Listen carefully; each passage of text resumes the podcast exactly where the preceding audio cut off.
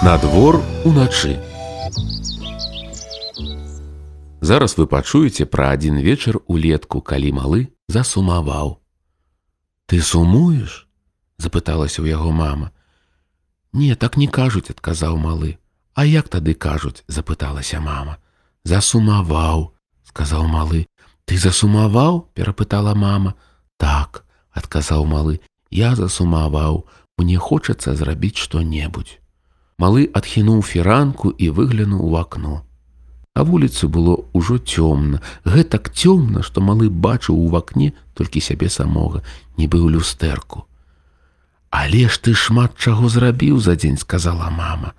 Удзень зрабіў, сказаў малы, а зараз не. Зараз запыталася мама, зараз ужо час класціся спаць. Не, запярэчыў ён, На двор мы пойдзем на двор уначы. На двор уначы здзівілася мама. Так, казаў малы з ліхтарыкам. Ты ж хадзіла гуляць уначы, калі была маленькай і назірала за кажанамі. Так, але, А я яшчэ не бачыў аніводнага кажана, сказаў малы ні разу. А яшчэ памятаеш, узімку вы з татам выходзілі ўначы, ты глядзелі на паўночнае зянне, а мяне не пабудзілі, бо я так добра спаў, вы так думалі.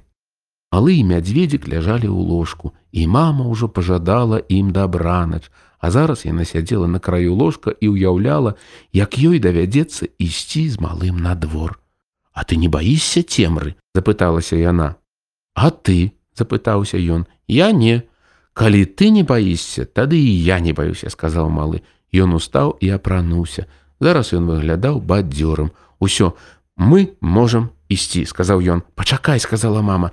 Там спатрэбіцца посцілка для кажаноў яны ўзялі посцілку а таксама ліхтарыкі у адным давялося замяніць батарэйку бо малы карыстаўся ім так часта што батарэйка села. Ну вось цяпер мы гатовыя сказала мама. Цудоўна ўзрадаваўся малы. Тады ідзем на двор уначы і ён адчыніў дзверы уначы на дварэ было вельмі цёмна Паглядзі, мама, сказаў малы, ужо ўсё чорнае, дрэвы чорны і трава таксама чорная. Зараз мы ўключым ліхтарыкі, прапанавала мама. Клік, клік, пасвяці на дрэва, сказала мама. Малы пасвяціў на дрэва, і яны ўжо больш не здаваліся гэткімі чорнымі. Ён пасвяціў на траву, і трава таксама больш не здавалася чорнай. Глядзі, мама, заўважыў малы, ты стала чорнай. Пасвяці на мяне, попрасіла мама. Малы пасвяціў на маму і яна перастала быць чорнай. Яны ўзялі посцілку і расцягнулі яе на дрэве. Зараз будзем свяціць на посцілку, сказала мама. Мы так рабілі, калі я была маленькай, тады прыляталі кажаны і садзіліся на посцілку. І вось малы з мамай сядзелі ў начной цемры, свяцілі ліхтарыкамі на посцілку, ды чакалі, калі з'явяцца кажаны. Калі ж яны прыляцяць, запытаўся малы давай яшчэ крыху пачакаем сказала мама. А яны выглядаюць як звычайныя мышы запытаўся малы так з мышынымі вушамі і маленькімі чорнымі вочкамі сказала мама.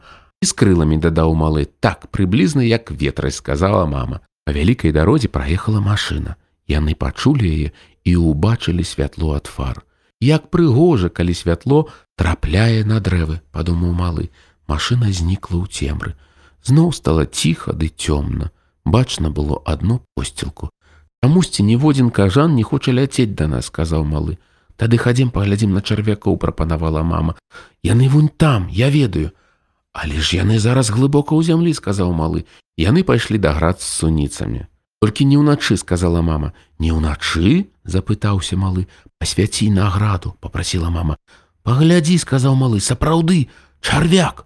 На зямлі ляжаў чарвяк, вельмі доўгі, А паглядзі, вунь там чарвяк ужо схаваўся под зямлю, сказала мама. Ага, бачу, вунь, ён ужо вылазіць адтуль, глядзі, як хутка.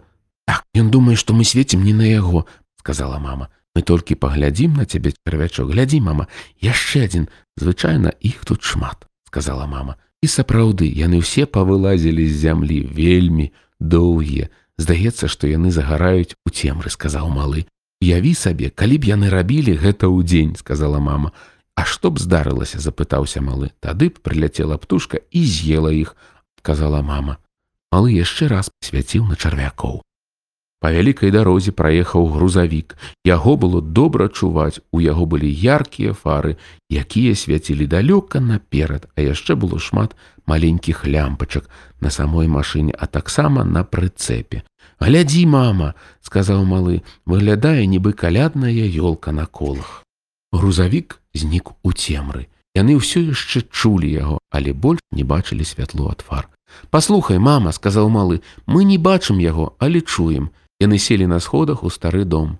Паслухай, мама, прапанаваў малы, давай выключым ліхтарыкі. Давай, пагадзілася мама, клік, клік, як цёмна, сказаў малы, і як ціха, дадала мама, як утульна, сказаў малы і падпоўз бліжэй да мамы, і цёмна. Так, згадзілася мама, і вельмі ціха. Раптам штосьці зашамацела, яны ўбачылі два вока, хтосьці ішоў, клік, клік, Яны адначасова ўключылі свае ліхтарыкі. Гэта была кошка. Фу, сказала мама, ну вядома ж, гэта кошка. Яна звычайна гуляе тут уначы. Спачатку я яе не пазнала. І я таксама сказаў малы, яна чорная. Кошка падышла і пачала церціся аб іх ногі. Ёй хацелася, каб яе пагладзілі. Яна сядзела і мурлыкала. Усё, хопіць мурлыкаць, сказаў малы, паглядзі, колькі цікавага навокал. Кошка агледзелася ў цемры, нібы ў дзень і штосьці пачула. Яна адразу ж навастрыла вушкі. Уся напружылася, аднак малы з мамай нічога не чулі. Кошка схавалася за камянём. Яны і не хацелі свяціць на яе, што ж там здарылася ў цемры. Раптам малы з мамай пачулі, як кошка скочыла. Яны таксама пачулі, як піскнула і пабегла мышка, а кошка пабегла за ёй. Мышка піскнула ізноў, ды яны пайшлі да хаты. Малы зайшоў у свой пакой і распрануўся. Мне шкада мышку, сказаў ён. Так, я разумею, сказала мама, ды пагладзіла яго, але мы ж нічога не можам зрабіць. Мы не можам сказаць кошцы, каб яна не лавіла мышак. Я ведаю, сказаў малы, але мне ўсё адно шкада мышку. Ён залез да сябе ў ложак. Мядзведзік спіць, сказаў ён. І ён хоча, каб я пабудзіў яго, бо яму цікава пра ўсё даведацца. Але мядзведзік хацеў прачынацца, і малы таксама не над хацеў распавядаць. Ён вельмі стаміўся, і ён заснуў амаль адразу ж. І яны ляжалі побач, адвярнуўшыся ў розныя бакі, і абодва выглядалі вельмі задаволенымі і малы і мядзведзік.